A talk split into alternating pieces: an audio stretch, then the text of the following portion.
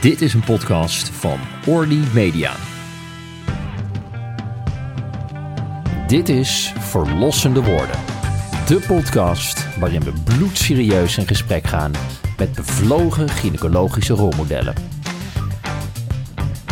Wij, Ravi Vermeulen, Suzanne Dedde en Annelotte Kolen gaan bloedserieus in gesprek met inspirerende rolmodellen binnen de gynaecologie en obstetrie. Wij spreken hen over hun specifieke expertise, passie voor het vak en wie zij zijn buiten het ziekenhuis. Je hoort nu Suzanne Dedde en Ravi Vermeulen die in gesprek gaan met Christiane Lok. En het is eigenlijk wel bijzonder, want dit is de tweede keer dat we met haar in gesprek gaan. Want de vorige keer in augustus is onze SD-kaart gesneuveld. En we zitten nu bijna een half jaar later opnieuw met haar op dezelfde plek. Dus alle welkom bij de achtste aflevering van Verlossende Woorden. Deze aflevering gaan wij in gesprek dus met Christiane Lok, gynaecologische oncoloog in het Antonie van Leeuwenhoek ziekenhuis.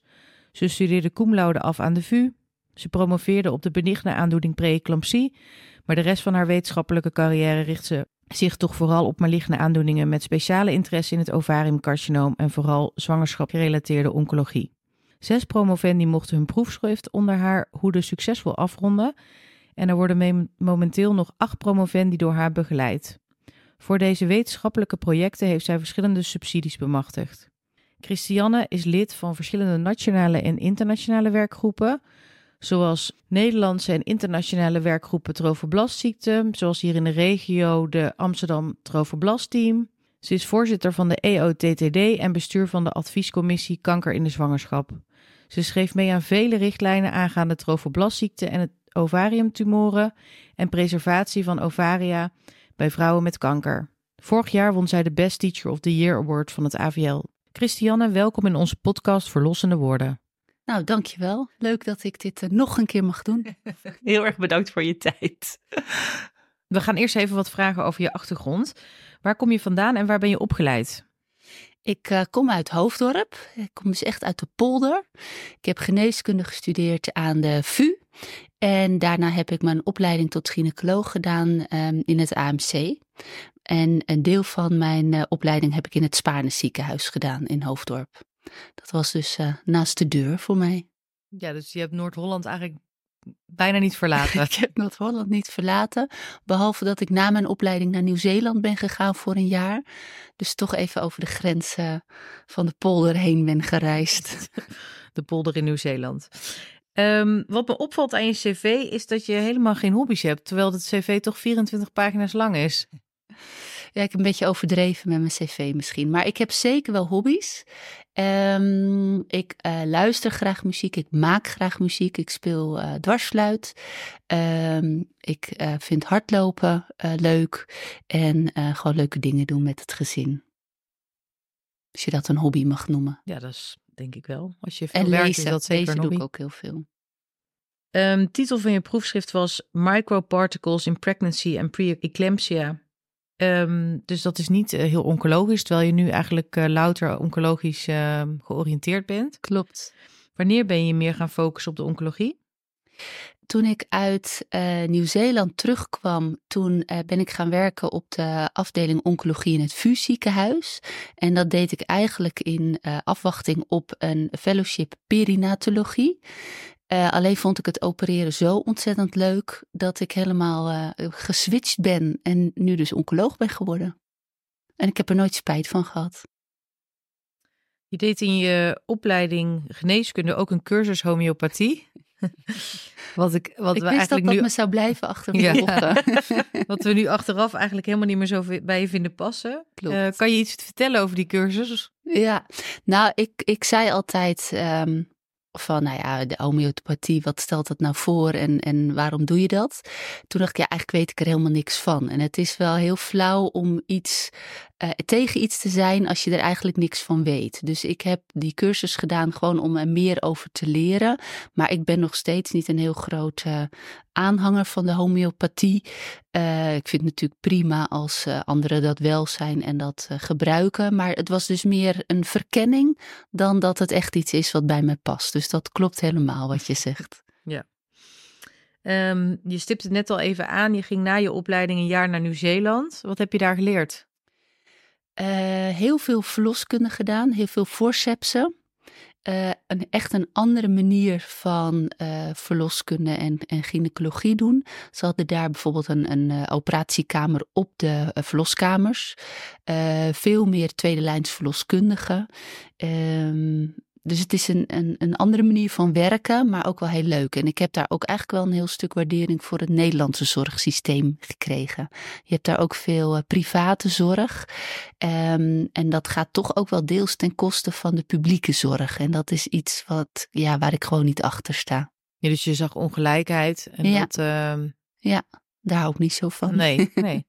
En nu doe je eigenlijk geen verloskunde meer. Hè? Nee. Is dat iets wat je mist eigenlijk? Nee, ik dacht dat ik dat heel erg ging missen, want ik vond dat ontzettend leuk.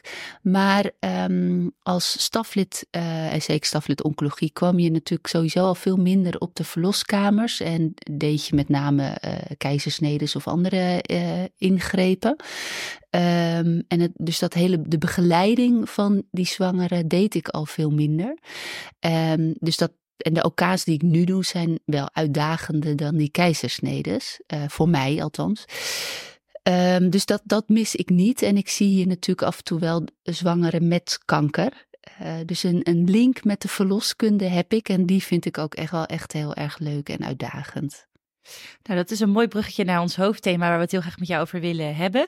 Eigenlijk hebben we twee thema's uitgekozen waar je allebei expert in bent, namelijk kanker in de zwangerschap en trofoblastziekte. Um, allereerst kanker in de zwangerschap. Je zei het al, de patiënten komen soms bij jou, natuurlijk niet allemaal.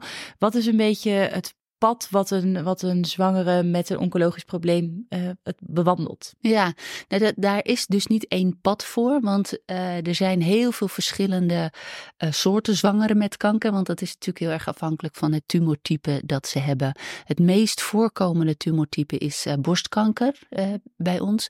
Um, dus die lopen gewoon het pad wat je anders ook zou lopen met borstkanker, alleen zit er een, ja, een, een pad naast waarbij je moet kijken, kan de behandeling die je buiten de zwangerschap geeft, ook in de zwangerschap uh, gegeven worden. En wat heeft dat voor gevolgen voor de foetus? Um, en daar komen wij in beeld. En wij bedoel ik dan de adviesgroep Kanker in de Zwangerschap, waar we met elkaar nadenken over wat de mogelijkheden zijn in de zwangerschap. En wat je ook uh, niet moet doen. En soms moet je de volgorde van de behandeling aanpassen of wat extra voorzorgsmaatregelen nemen. En dan is er gelukkig heel veel mogelijk in de zwangerschap met ook uh, hele vergelijkbare uitkomsten. Um, en wat, wat is dat, die adviesgroep? De adviesgroep is een, uh, een, een, groep medisch specialisten. Uh, 44 zitten er nu inmiddels in. Met een hele verschillende achtergrond. Dus we hebben uh, internisten, chirurgen, radiologen, radiotherapeuten, kinderartsen, um, gynaecologen, veel um, obstetrici en, en gynaecologisch oncologen. Omdat het natuurlijk zo'n diverse groep patiënten is, hebben we ook al die verschillende disciplines nodig om tot een goed beleid te komen. En iedereen kan zijn input geven. En dat proberen we dan uh, samen te vatten in een uh, brief die naar de behandelaar toe gaat. En, en kan je um, een beetje vertellen hoe dat dan gaat? Want er zullen afwegingen gemaakt moeten worden over... moet deze baby prematuur ter wereld komen? Of adviseren jullie ook wel eens een afbreking... als je ag agressieve therapie moet volgen bijvoorbeeld? Ja, um, uh, we adviseren soms wel een afbreking... Um, met inderdaad hele agressieve tumoren of uh, acute leukemie, dat, dat soort dingen, dan, dan moet dat soms. Of als het echt heel vroeg in de zwangerschap is en je kan het niet overbruggen met chemotherapie tijdens de zwangerschap, wat je natuurlijk ook pas na twaalf weken kan starten, dan adviseren we soms afbreking. Gelukkig is dat uh, zelden nodig en uh, kan je toch met bepaalde behandelingen in de zwangerschap nou ja, iemand na een aterme datum krijgen. Dat is, lijkt het belangrijkste. Dat je een, uh, een kind krijgt wat toch 37 weken of uh, ouder is. Want een premature partus, daar zien we natuurlijk ook alle nadelen van uh, bij de foetus. En die nadelen lijken groter te zijn dan bijvoorbeeld chemotherapie in de zwangerschap. Oké, okay. dat lijkt me een nieuwe ontwikkeling, toch?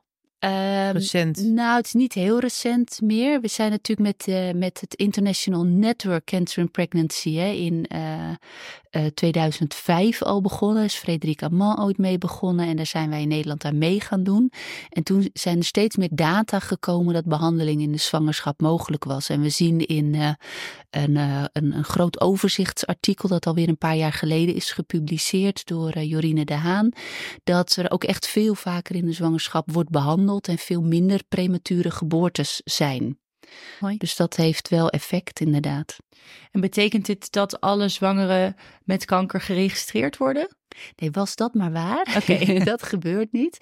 Um, wij houden natuurlijk zelf in de adviesgroep bij van wie we bespreken. En dat, dat is dus ook een soort registratie. En um, zoveel mogelijk worden zwangeren gevraagd om deel te nemen aan die uh, internationale registratiestudie. En dat is een wereldwijde studie waar inmiddels uh, nou ja, ruim 2500 zwangere vrouwen met kanker in staan. Uh, allemaal verschillende soorten kanker en allemaal bij een verschillende amenorreuduur. Dus daar leren we ontzettend veel van. En wat is het, het Nederlandse aanbod? Hoe vaak wordt uh, aan jullie advies gevraagd? Wij hebben nu inmiddels uh, meer dan 250 keer advies uh, gegeven. Ik denk dat we nu zo'n beetje, we zijn natuurlijk moeten opstarten. We bestaan sinds 2012 en het aantal adviezen neemt nog steeds toe. En we zitten nu aan iets van 50 per jaar. En, maar de, je, de vraag naar jullie neemt toe? Ja, gewoon omdat onze bekendheid ook is toegenomen. Oké, ja. ja. En uh, Christiane, naast jou uh, op tafel zie ik een boek liggen. Uh, wat kan je daarover vertellen? Ja, nou dit is het boek waar ik heel erg trots op ben. Want samen met de hele adviesgroep Kanker in de Zwangerschap hebben we de casuïstiek van de afgelopen tien jaar of een deel daarvan gebundeld. Omdat we heel vaak het verzoek kregen, mogen we meelezen met de adviezen die jullie geven? Wat voor casuïstiek komt er nou bij jullie binnen? Um, dus we hebben dat geëdit zodat ook de, de patiënten onherkenbaar zijn geworden. Dat we uh, literatuur er ook bij gezet hebben op basis waarvan wij de adviezen hebben gegeven. En dat heeft dus geresulteerd in dit boek. En daar staan 39 uh, casus in. Um, van uh, verschillende tumorsoorten met ja, onze adviezen en uitleg erbij. In de hoop dat nou ja, artsen in Nederland dat goed vinden om te lezen. En ook snappen wat wij als adviesgroep kunnen bijdragen aan de zorg voor deze vrouwen. Wat goed. En waar uh, staat het op bol.com? Of? Nee, nee, nee. Maar het is ook echt voor uh, artsen en artsen in opleiding en uh, verloskundigen. Maar wel in de breedste zin, breedste zin van het woord. Dus alle specialisten zouden hier wat aan kunnen hebben. Maar het is niet voor patiënten geschreven. Er staat dus veel jargon in. Dus het is niet te vinden op bol.com. Maar waar wel? We hebben een, een, een link en ik begreep dat jullie die bij deze podcast ook onderaan vermelden. Dus als je interesse hebt in dat boek en het wilt hebben, het kost maar 12,50 en al het uh, uh, geld dat we ophalen um, wordt ook weer besteed aan uh, wetenschappelijk onderzoek naar kanker en zwangerschap. Mooi. Uh, ik, je hebt nu een paar keer wetenschappelijk onderzoek uh, benoemd. Uh, we hadden het eerder over de registratie. Ik kan me voorstellen dat ethiek en onderzoek doen in deze populatie heel lastig is. Zijn het dan alleen maar prospectieve studies? Of hoe ziet de wetenschap eruit rondom de kanker en zwangerschap? Nou, we, we, het is natuurlijk heel veel inderdaad registratiestudie. Want uh, vrouwen met, uh, die zwanger zijn worden vaak natuurlijk geëxcludeerd van gerandomiseerde studies of medicijnstudies. Maar er vinden ook wel translationele studies plaats. Wat wij laatst gedaan hebben hier in het AVL met, samen met de melanomengroep is gekeken of de melanomen die in de zwangerschap ontstaan uh, anders zijn dan melanomen die buiten de zwangerschap ontstaan. ja, er komen toch hele interessante bevindingen uit. En dat kan je alleen maar doen als je geld hebt om uh, nou ja, de, de uh, DNA te onderzoeken en, en uh, al die experimenten te doen en de analyses te doen. Dus nou, dat zijn ook uh, onderzoeken die we dan willen doen als we geld ophalen met de verkoop van dit boek. Okay. Nou, hopelijk weer veel luisteraars van deze podcast. Ja, en dat dan, hoop ik. ja, veel verkoop van het, van het boek. Um, ik kan me voorstellen, hè, als je dit boek uh, schrijft en de casuïstiek ver, uh, verzamelt, dat er dingen ook veranderd zijn in de afgelopen tien jaar. Uh, wat zijn wat jou betreft de grootste veranderingen die je bent tegengekomen? Um, ja, dat we iets meer durven te adviseren. Ga maar starten met chemotherapie in de zwangerschap na twaalf weken. Want we hebben ook gevonden dat voor de twaalf weken er inderdaad wel echt een significant verhoogde kans is op congenitale afwijkingen. Maar daarna lijkt het uh, veilig. Natuurlijk moet je de baby goed in de gaten houden en uh, doen we follow-up. Dus dat zien we wel echt meer gebeuren. Um, wat we nog veel minder weten is uh, wat er kan aan doelgerichte therapie en immunotherapie in de zwangerschap. Want dat is natuurlijk echt wat je tegenwoordig de, in de oncologie ziet veranderen. Daar weten we nog heel erg weinig van. Dus daar is echt nog veel onderzoek voor nodig. Oké. En worden de, de kinderen ook uh, gevolgd eigenlijk? Uh... Ja, in het PMC, dus uh, Prinses Maxima Medisch Centrum. Um, in Utrecht worden, is er een follow-up programma voor deze kinderen. En daar is iedereen die een behandeling in de zwangerschap heeft gehad, een oncologische behandeling, is daar welkom. En er is ook een lotgenotengroep. Um, er is ook inmiddels een patiëntenvereniging, Stichting Ster met K, voor vrouwen die kanker in de zwangerschap hebben gehad. Dus er zitten best wel wat ontwikkelingen in het veld. Ja, mooi. gelukkig. Ja. Um... Ja, dan um, hadden we eigenlijk ook nog als een themaatje fertiliteitspreservatie bij de behandeling van kanker. Maar we begrepen al de vorige keer van jou dat je daar dan niet echt per se een expert in bent. Maar ik weet wel dat je hier in het Antonie van Leeuwenhoek toch best wel wat counselingsgesprekken uh, doet. Voordat je verwijst naar nou ja, ik denk het Amsterdam UMC voor vrouwen die hier in de buurt uh, komen. Um, wat vertel je dan bij zo'n counselinggesprek? Ja, ik verwijs inderdaad naar de fertiliteitskliniek, want ik ben gewoon geen fertiliteitsarts, maar ik kan soms wel de consequenties van uh, het, fertiliteits, uh, uh, van de fertiliteitsbehandeling met die patiënten bespreken. ik zit dus een beetje tussen de oncoloog en de fertiliteitsarts in. De oncoloog vindt het allemaal spannend, dat zwanger worden, die hoge hormoonspiegels. En de fertiliteitsartsen die weten wat minder wat voor effect dit op de oncologische behandeling en op de kanker zelf heeft. En uh, daar ga ik over natuurlijk met de patiënt in gesprek van hoe lang uh, mogen we wachten, hoe lang kunnen we wachten, is het verstandig om te wachten, uh, en wat zijn de mogelijkheden die bestaan. Maar de uiteindelijke beslissing laat ik uiteraard over aan uh, de echte experts in de fertiliteitscentra. Ja, en als er dan fertiliteitssparende behandelingen zijn in de zin van chirurgie, dan is dat eigenlijk iets wat iedereen bespreekt hier als gynaecoloog, denk ik. Ja, zeker. Ja, ja. Ja, bij jonge vrouwen met bijvoorbeeld ovariumcarcinoom, de, de laaggradige uh, types, of waarvan we weten dat de kans op uh, metastasering naar het andere ovarium of de uterus uh, laag is, daar kan je wel uh, bespreken om een fertiliteitssparende stagiering bijvoorbeeld te doen. Of om bij endometriumcarcinoom de uterus niet te verwijderen, maar met hormonen te behandelen. Um, dat zijn dingen die we hier natuurlijk in ons eigen uh, multidisciplinair overleg bespreken en dan een plan voor maken. Duidelijk. Kan je iets meer toelichten, fertiliteitspreservatie bij endometriumcarcinoom? En is daar ook wetenschap naar? Ja, daar is natuurlijk wel wat onderzoek naar gedaan. Ook, ook geen grote gerandomiseerde studies. Maar er zijn natuurlijk best al uh, veel vrouwen behandeld met uh, hormoontherapie. En we weten dat je laaggradige tumoren uh, daarmee kan behandelen. En dat dat kan verdwijnen en soms ook wegblijft. Als het recidiveert of niet weggaat met hormoontherapie, dan zal je toch uiteindelijk die standaardbehandeling moeten geven. Um, het is natuurlijk ook nog de vraag als je zwanger bent geweest na de hormoontherapie, omdat het goed gewerkt heeft, van ja, durven we dan de uterus alsnog te laten zitten of niet?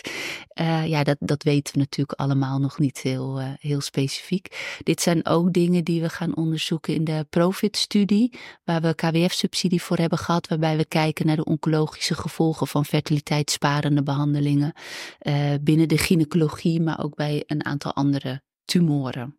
Mooi. Maar dat wordt ja. breder dus. Dat wordt ja. breder, maar de focus ligt wel op de gynaecologische kankers. En dat betekent dan lange follow-up uh, studie? Of? Ja, het is uh, vijf jaar dan in deze KWF-studie, maar we kijken ook twintig jaar terug bij vrouwen die uh, fertiliteitssparend behandeld zijn. Van hebben ze kinderen gekregen? Hoe is dat verlopen? Uh, is de tumor teruggekomen? Gewoon om meer duidelijkheid te krijgen en vrouwen beter te kunnen counselen. Want ja. het is best nog beperkt wat er is. Ja. Oh, interessant. Um, die studie gaan we in de gaten houden. Ja, heel graag. zien we je vast wel uh, op de NOS of uh, verschijnen. op één. Ja. Op één, op één ja. Um, we zouden graag doorgaan naar het uh, tweede hoofdthema van, ja, van deze leuk. podcast. En dat gaat over trofoblastziekte. Um, trofoblastziekte is een verzamelnaam voor onder andere de volgende aandoeningen. Een complete of een partiële mola-zwangerschap. Oftewel de gestational trophoblastic disease. En de GTN, de gestational trophoblastic neoplasia. Er is ook nog een chorecarcinoom en een placental site trophoblastic tumor. Klopt dat een beetje zo op een rij? Nou, klopt niet helemaal, want die laatste twee die horen bij die GTN, ja. de gestational trophoblastic neoplasia. Dat is dus ook, het zijn beide groepen van aandoeningen die best wel uiteen kunnen lopen. Uh, en die je dus ook uh, verschillend behandelt. Um, maar klopt, het hoort wel allemaal bij uh, trofoblastziekte. Ja. Dat is één overkoepelende term. En dat betekent dat um, de trophoblastic disease eigenlijk nog benigne is of dat niet? Premaligne misschien? Premaligne? Een combinatie. Hè? De, de gestational trophoblastic disease heeft eigenlijk twee uh, pijlers. De premaligne of nog inderdaad benigne en de maligne. En die, wat je net inderdaad opnoemde, die mola, partiële en complete mola. En daarbij nog de exaggerated placental site reaction en de placental site nodule.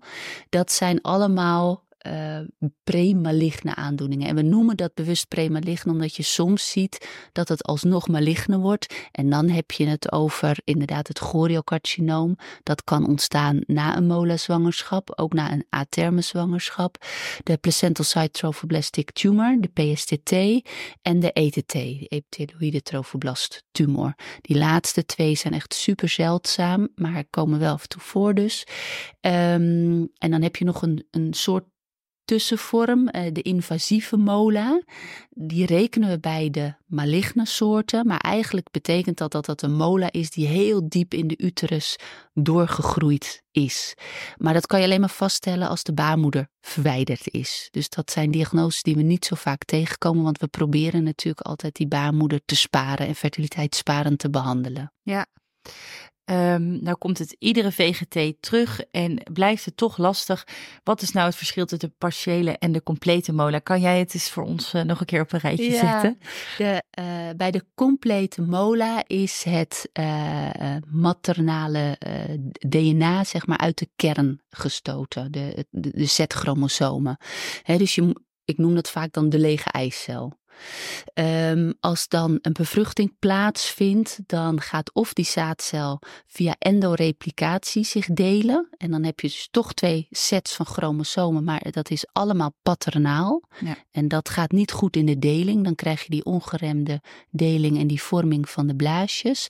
Het kan ook zo zijn dat twee zaadcellen tegelijkertijd door die zone pellucida gaan van die eicel. En dan heb je wel ook twee sets van chromosomen weer, maar ook weer allebei van de vader, ook al zijn ze verschillend. En dan krijg je datzelfde effect. Bij een partiële mola is dat maternale eh, DNA niet verloren gegaan. Dat zit gewoon nog in de cel. Maar als er dan hetzelfde gebeurt, hè, er komen twee zaadcellen binnen, dan heb je ineens een triploïdie. Dus heb je drie sets chromosomen. Um, en dan krijg je dus een vergelijkbare deling. Bij een partiële mola kan je nog feutale delen zien. Dat hoeft niet. Het is natuurlijk vaak ook een diagnose die na curettage pas vastgesteld wordt. Ja. Bij een complete mola zal je nooit feutale delen vinden. Daarnaast zie je ook bij de complete mola veel hogere HCG-waardes. Um, en is een vrouw dus ook vaak veel zieker met hyperemesis. Uh, uh, kan wat meer bloedverlies hebben. Dus dat is vaak een wat uitgesprokener uh, beeld van symptomen. Is het beloop van de ziekte ook anders? Um, het, wat het is, is dat je bij de, als je zodra je een echo maakt, bij een complete mola heb je best wel een karakteristiek beeld. Hè, met zo'n dat druiventros-fenomeen, Zwitserse kaas wordt het ook wel eens genoemd. Je ziet al die trosjes in de, in de baarmoeder. Dat is echt veel minder uitgesproken bij die partiële mola. Dus het is wat lastiger om een partiële mola te diagnosticeren met alleen een echo. Um, en daarom doe je soms een, een curettage voor een uh, verdenking op een miskraam. En dat blijkt dan achteraf een partiële mola te zijn. Bij de complete mola is die diagnose wat duidelijker en dan ga je dus ook anders een OK in. Uh, je ziet bij die operaties ook wel wat vaker veel bloedverlies en het advies is ook altijd om het echo geleid te doen, omdat het belangrijk is om die baarmoeder wel echt goed leeg te curetteren. Want dat maakt de kans op uh, het achterblijven van trofoblastcellen uh, kleiner en dan uh, grotere kans dat het HCG spontaan normaliseert. Oké. En het een is ook zeldzamer dan het andere, toch? Ja, we zien meer uh, complete mola's, alhoewel die getallen uh, dichter bij elkaar zijn komen te liggen toen we heel goed onderzoek met Palga deden. En een partiële mola is iets moeilijker ook voor een patholoog te diagnosticeren. Daar zit best wel wat variatie in.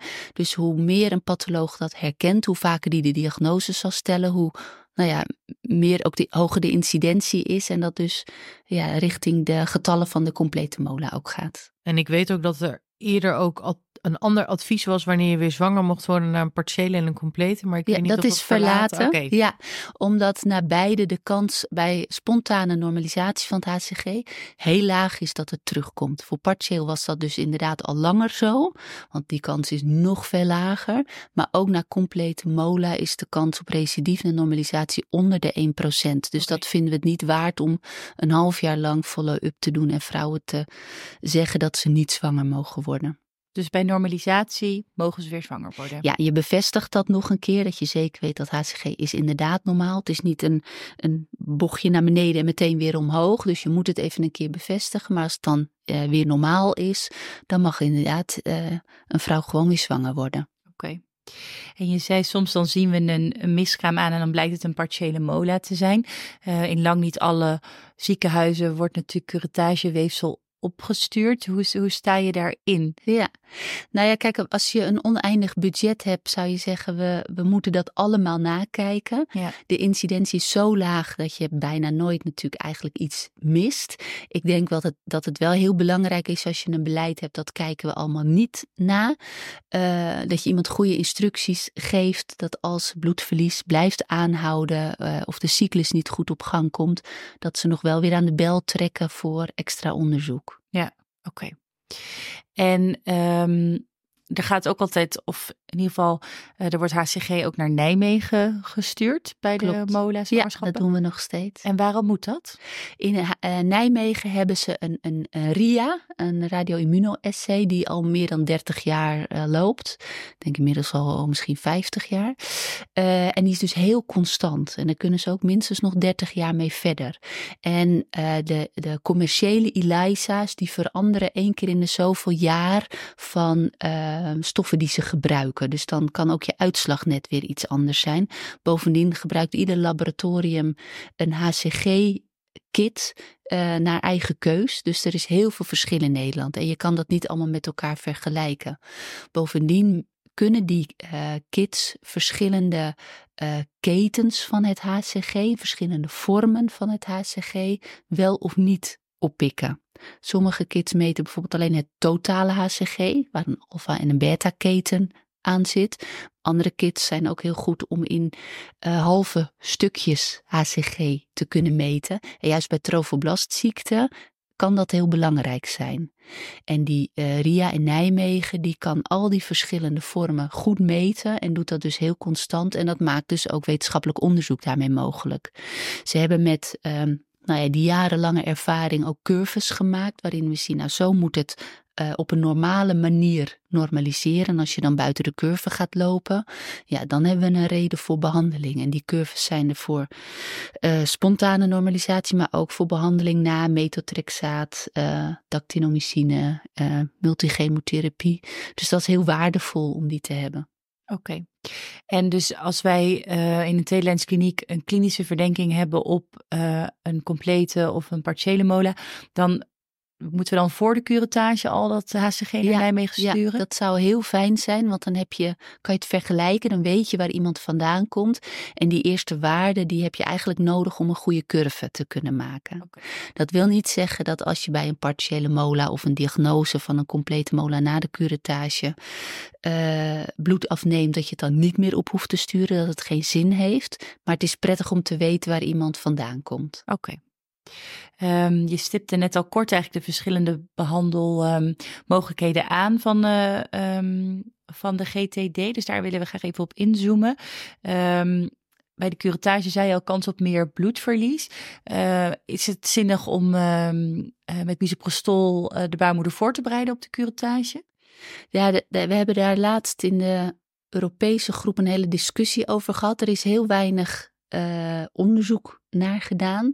We denken ook dat voorbereiding van de cervix wel kan en niet extra uh, problemen geeft. Um, waar men vroeger bang voor was, is dat door uh, contracties, die soms dan op kunnen treden, er uh, trofoblast-embolie vanuit de baarmoeder naar bijvoorbeeld de longen gingen. Mm. We hebben nooit dat hard kunnen maken dat dat ook zo is. Dat is wel ook de reden dat we zeggen, als je nou weet dat het een molenzwangerschap is, ja, liever dan toch een instrumentele afbreking dan dat je met um, medicamenteus dat probeert te doen. Uh, ja, soms weet je het gewoon niet en dan gebeurt dat. En dan ja, lijkt er ook heel weinig mis te gaan hoor. Maar het is ook wel fijn om het weefsel in handen te hebben voor onderzoek. Maar bij die molazwangerschappen zie je toch ook vaak dat er weefsel al spontaan komt. Dus je zou ook verwachten dat die cervix toch al meer open staat dan bijvoorbeeld bij niet-vitale zwangerschap. Ja, wat wel zo is, is dat we um, mola's veel vroeger zijn gaan diagnosticeren door de termijnecho's. En dat dus niet altijd gebeurt. Mm -hmm. Dus uh, bloedverlies is wel een van de bekendste klachten. Maar we hebben uh, ook een hele grote groep vrouwen die asymptomatisch is. En bij de eerste echo die gemaakt wordt, uh, deze diagnose krijgt. En als ze dan zo ruim gaan vloeien tijdens de curettage, wat, wat mag je dan medicamenteus wel of niet? Ja, je mag dan best uh, oxytocine geven. Okay. Uh, natuurlijk, want je moet het bloedverlies natuurlijk stoppen. Ja. Hè, uh, en dat komt ook omdat de uterus gewoon veel groter is door al het weefsel wat erin zit, al die blaasjes. Dus tijdens de curettage lijkt dat ook niet, of dan aansluitend, hè, niet een nadelig effect te hebben. Oké. Okay. En er zijn wel receptoren voor oxytocine in zo'n vroege, meestal curettage?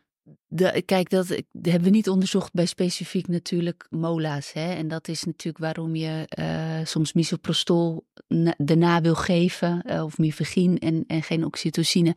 We zien in de praktijk dat het wel werkt. Die uterus is best wel heel groot, dus blijkbaar werkt het toch voldoende om een goede contractie te krijgen. Um, maar als het niet werkt, de oxytocine, dan um, moet je inderdaad iets anders gebruiken. En, en stomp nacureteren, mag dat? Ja, in principe mag dat. Je moet vanwege die grote uterus en uh, weken uterus ook vaak dat natuurlijk heel voorzichtig doen. Um, maar compleet cureteren is wel belangrijk. Ja, dus echo geleid eigenlijk. Ja, zeker. Ja. ja.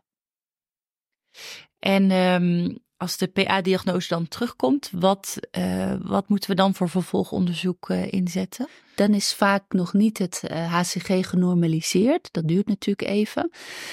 dus dan moet je wekelijks HCG prikken totdat het genormaliseerd is. En dan bevestig je het dus eenmaal, zoals we net zeiden. En dan is het in principe klaar. Mag dat dan in je eigen centrum of moet dat ook weer naar Nijmegen? Ja, het mag zeker in je eigen centrum. Um, je, je, het is altijd prettig als het ook naar Nijmegen gaat, omdat dat dan ook voor wetenschappelijk onderzoek uh, gebruikt kan worden. En mocht er een hobbel ontstaan, dan weet je wel wat er gebeurd is uh, in de tussentijd. Maar het is logistiek soms best een uitdaging om dat voor elkaar te krijgen. Uh, maar als je een uitgangswaarde hebt en je doet het om de keer, is dat natuurlijk ook prima. Dus het is, je vaart toch wel op je eigen curve van je eigen ziekenhuis. Okay. Want die heb je, de uitslagen heb je gewoon sneller. En waarom is de schildklier nou zo vaak ontregeld bij deze vrouwen?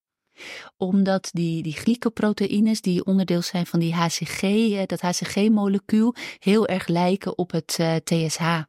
Dus um, dat wordt heel erg, die schildklier wordt heel erg aangezet. En je kan dus zelfs een thyreotoxicose krijgen um, uh, bij een mola-zwangerschap. Ja, dus die prikken we ook altijd mee als vrouwen op de poli uh, komen. En soms moet je daar dus zelfs medicatie voor geven.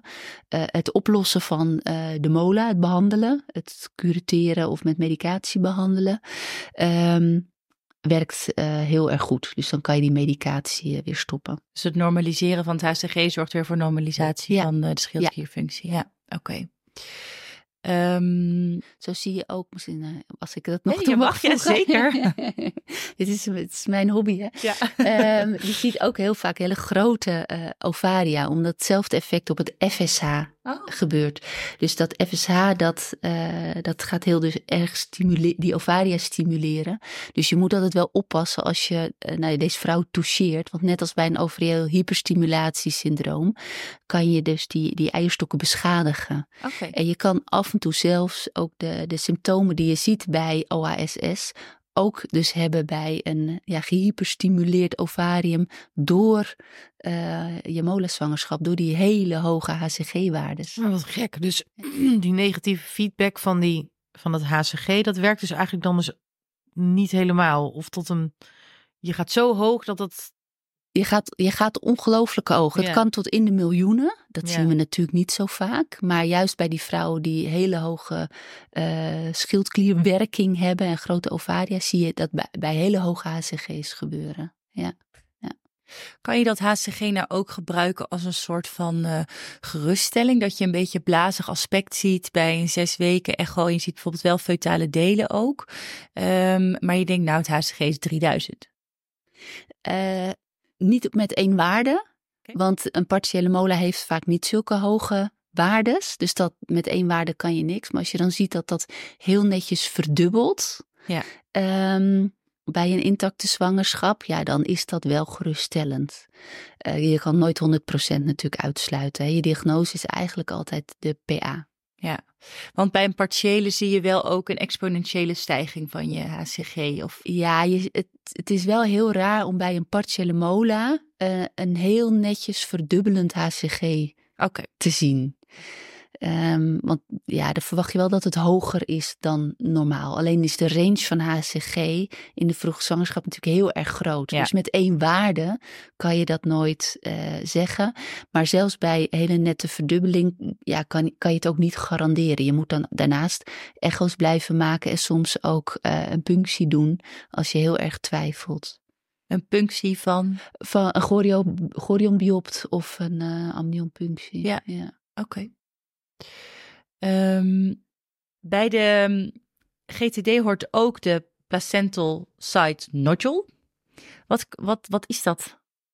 Ja, dat is een goede vraag. Het, zijn, um, het is een bevinding die we vaak bij toeval doen. Bij bijvoorbeeld uh, irregulair bloedverlies na een, een, een partus. En dan vindt de patholoog in het weefsel dat verwijderd wordt met bijvoorbeeld een curettage of een, een pipel. Hè, ja, kleine... Uh, ophoping als het ware van trofoblastcellen. Um, maar het is een hele benigne aandoening. Je hebt wel een, een uh, zo, zo'n premaligne variant. Dat is het, de APSN, dus de atypische PSN.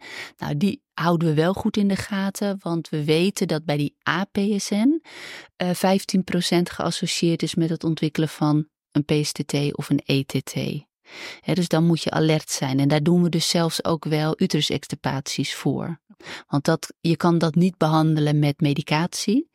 Um, en dat wil je niet laten bestaan of het risico nemen dat dat meer wordt dan, dan het is. Uh, het is wel een vrij ja, recente um, diagnose, die pas heel recent ook in het, uh, in het blauwe boek van de WHO is opgenomen, het pathologieboek. Um, en waar we nog niet eens alle karakteristieken goed van kennen. Maar met alleen maar de placental side nodule hoef je in principe uh, niks. En is dat heel vaak dus een toevalsbevinding. Maar kenmerkt zich vaak dan door bloedverlies? Of? Kan, ja. ja. Kan dus ook heel asymptomatisch zijn. Zal je, dan zal je natuurlijk niet zo snel uh, uh, onderzoek doen. Maar bij bloedverlies, en dan is vaak een curettage ook voldoende. Oké. Okay. Ja. En kom je het ook wel eens tegen in de PA van de placenta dan? Niet in de placenta. Nee, oké. Nee. oké. Okay. Okay. Um, Wij uh, hebben eerder geleerd dat je bij de, uh, bij de mola-zwangerschappen ook een X-thorax moet maken. Klopt dat? In principe bij alleen een uh, mola-diagnose hoeft dat niet. Dat gaan we pas doen op het moment dat het HCG niet normaliseert. Oké. Um, dat is een mooi bruggetje naar het niet normaliseren van HCG. want wat, wat dan? Wat dan? Nou, um, daar je moet een aantal keer een, uh, een waarde hebben die of uh, hetzelfde is, dus een plateau noemen we dat, of een waarde hebben die stijgt. En dan praten we dus van uh, gestational trophoblastic neoplasia.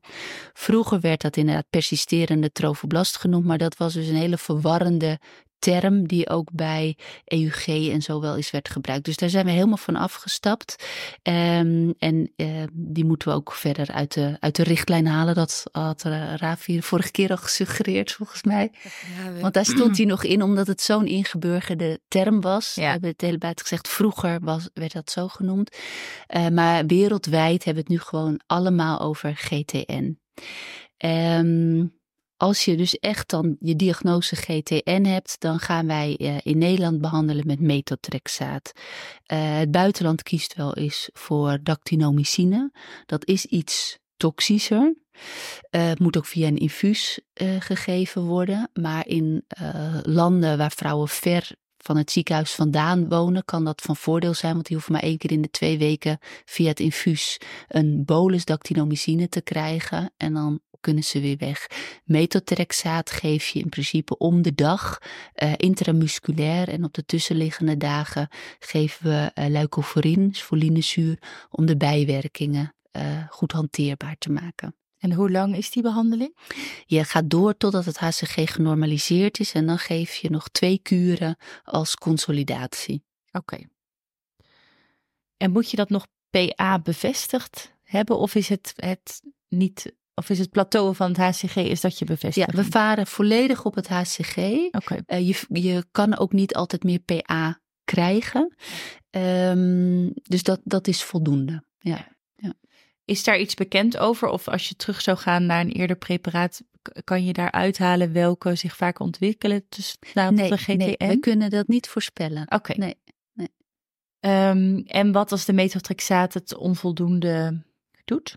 Ja, als methotrexaat niet werkt of je hebt daar uh, ernstige bijwerkingen van, dan stap je in tweede instantie meestal over naar dactinomycine. Dat doe je niet als er torenhoge HCG's nog zijn, dan moet je echt naar de multichemotherapie. Um, en dat doe je ook als dactinomycine niet blijft, blijkt te werken. Um, en dan uh, geven we hier meestal het Emaco schema. Um, en daar ja, krijg je ook 80% van de vrouwen weer mee genezen. Oké.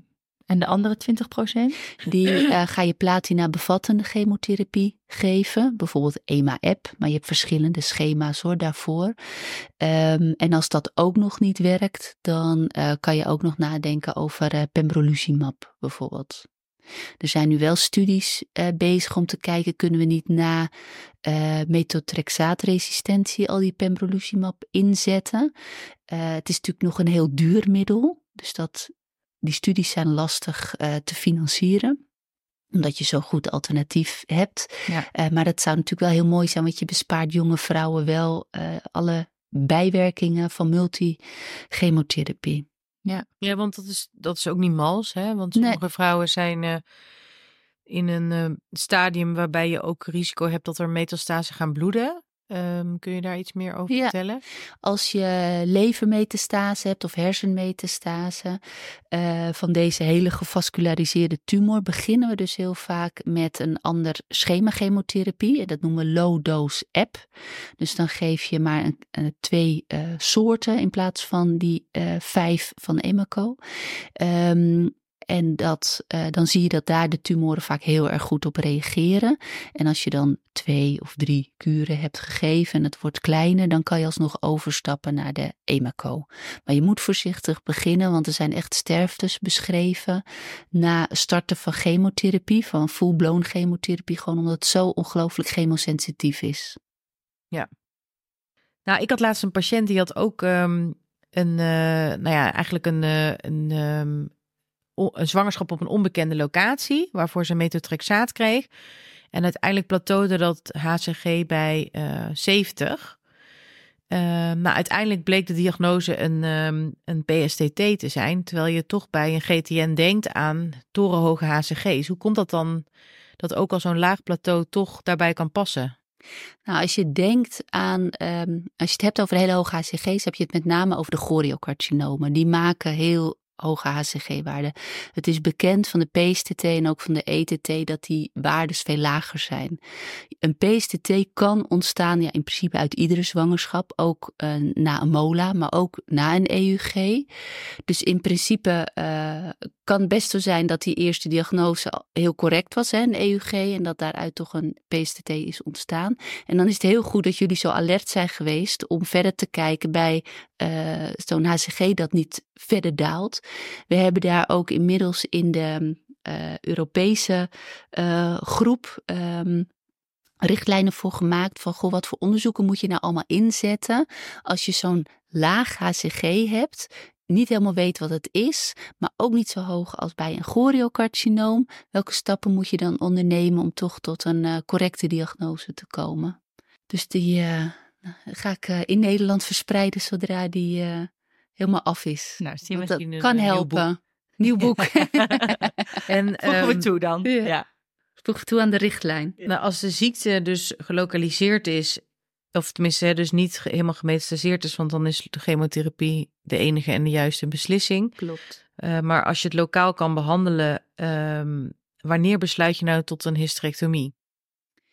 Um, in principe hoef je als het een, uh, een uh, GTD of een GTN is die inderdaad alleen maar uh, in de baarmoeder zit, nooit een hysterectomie te doen in de primaire setting. Uh, kan je altijd met chemotherapie behandelen. Maar als een vrouw een niet gewenste zwangerschap had en uh, al een hogere leeftijd heeft en geen uh, metotrexaat wil, is een hysterectomie een hele goede overweging. Maar de kinderwens moet wel voltooid zijn. En als je daaraan twijfelt, zou ik nooit een hysterectomie doen. Je moet ook, als je die hysterectomie gedaan hebt, nog steeds het HCG vervolgen om te kijken of dat normaliseert. Want het is geen garantie daarvoor. De kans is heel groot, maar je moet wel kijken of het ook daadwerkelijk gebeurt. En wat voor hysterectomie is dat dan? Is dat dan een uh, Wertheim of is dat een uh, met lymfkliedensectie? Nee, of? er is geen enkel bewijs dat uh, zinvol is bij GTN. Uiteraard, als je vergrote klieren ziet op scans die je maakt of, of voelt tijdens een OK, dan, maar dat geldt voor iedere oncologische ingreep, dan moet je daar natuurlijk wel naar kijken en hem in principe verwijderen.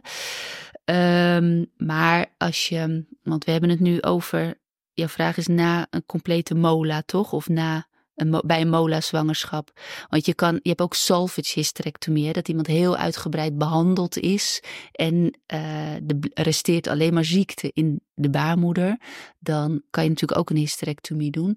Maar in principe zijn, is dat een simpele hysterectomie, hoef je nooit een wertheim te doen, behalve soms bij de ETT, waarvan we weten dat die vaak heel uh, laag corporeel of, of zelfs in de cervix groeit, daarmee ook in het parametrium kan groeien. En dan wil je natuurlijk wel dat parametrium mee verwijderen, want bij een ETT is het ontzettend belangrijk dat je uh, radicaal opereert en vrije snijranden hebt. Dus daar moet je dan wel alert op zijn. Maar dat geldt dus niet voor een PSDT of een hysterectomie bij een mola en een voltooide kinderwens. Um, dat, dat mag je gewoon uh, lege arters doen. En een hysterectomie voor een choriocarcinoom? Ook. Is gewoon, gewoon simpele hysterectomie. Oké. Ja. Um, en wat is, wat is de prognose bij een choriocarcinoom? In principe, als het, uh, het, het we scoren natuurlijk dan het, uh, de, de Vigo-classificatie. En dan kan een choriocarcinoom ook gewoon nog een laag risico zijn. Dan is de overleving tegen de 100 procent.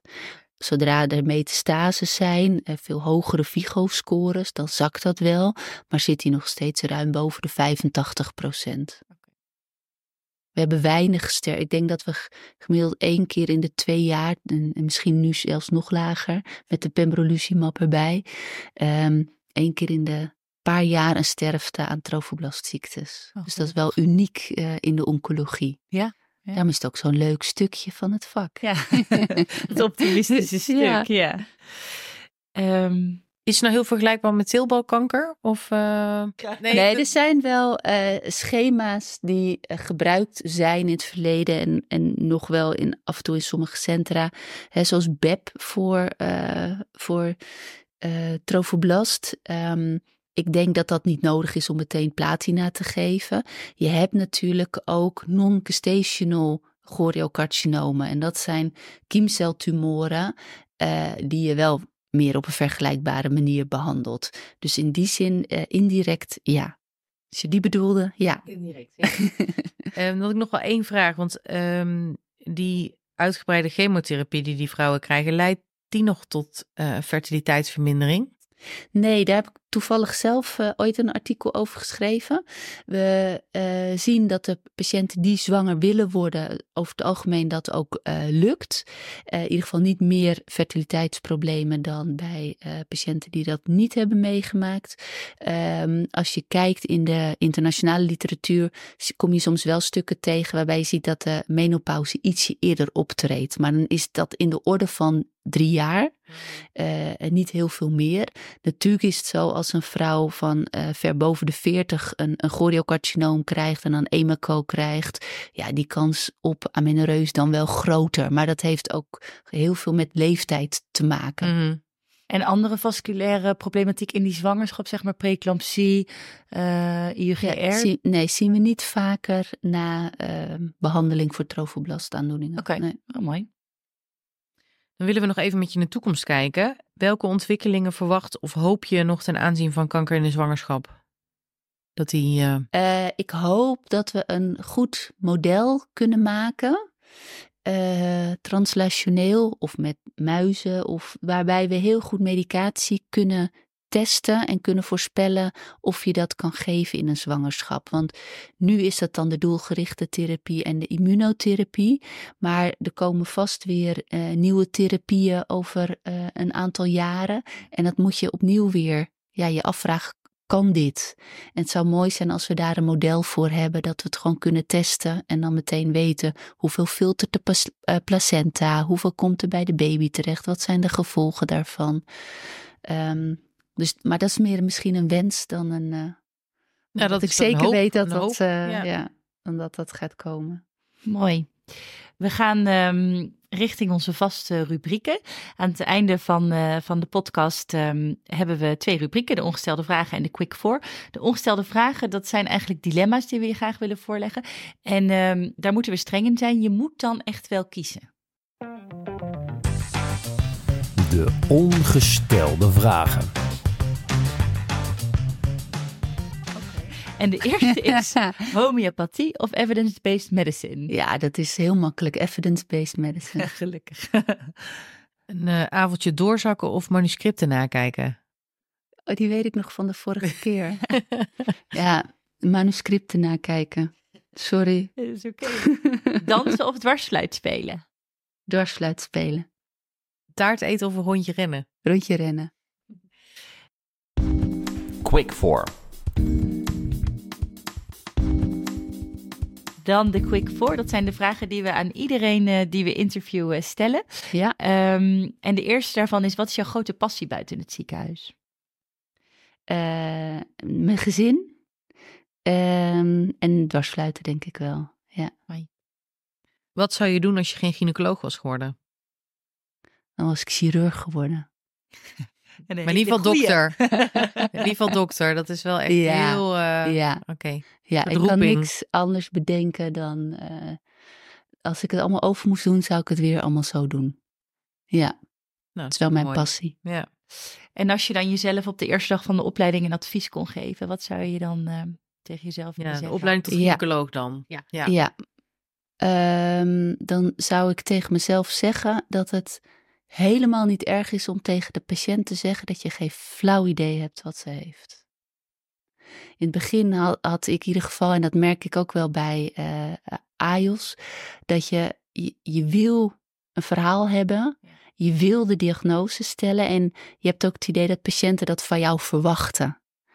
Ehm, maar patiënten waarderen het vaak heel erg als je zegt: Ik weet het gewoon niet. Ik eh, ga het uitzoeken. Ik ga het overleggen. Ik ga u in een groep bespreken. Dat vinden ze ook helemaal niet erg, want het geeft ook een stukje zorgvuldigheid aan. Ehm, en dat is iets wat ik ook wel echt heb moeten leren. Ja.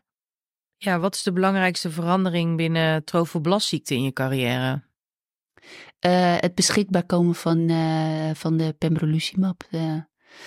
Die medicatie waarbij we nu vrouwen die eigenlijk uitbehandeld waren uh, gewoon kunnen genezen. Ja, ik vind dat wel echt de belangrijkste.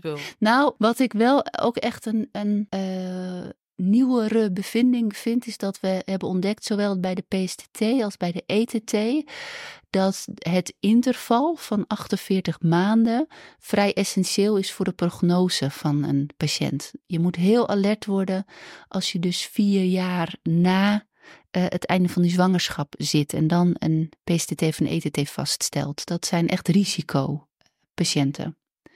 En dat wisten we heel lang niet. Ja, dus het interval tussen zwangerschap en het ontstaan van die type ja. GTN. Ja. ja. ja omdat ze dan minder chemosensitief zijn, omdat het zo langzaam groeit? Ze hebben een studie gedaan in, uh, of, of teruggekeken in de, in de UK, in Charing Cross, wat natuurlijk een beetje het walhalla is van de trofoblastziekte.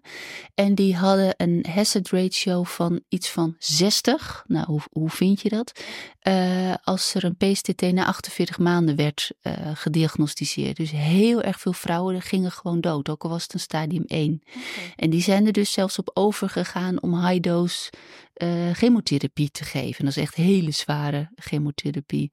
Dat leek wel te werken. Hè. Ze konden iets van 50% van de patiënten dan toch genezen van die na 48 maanden.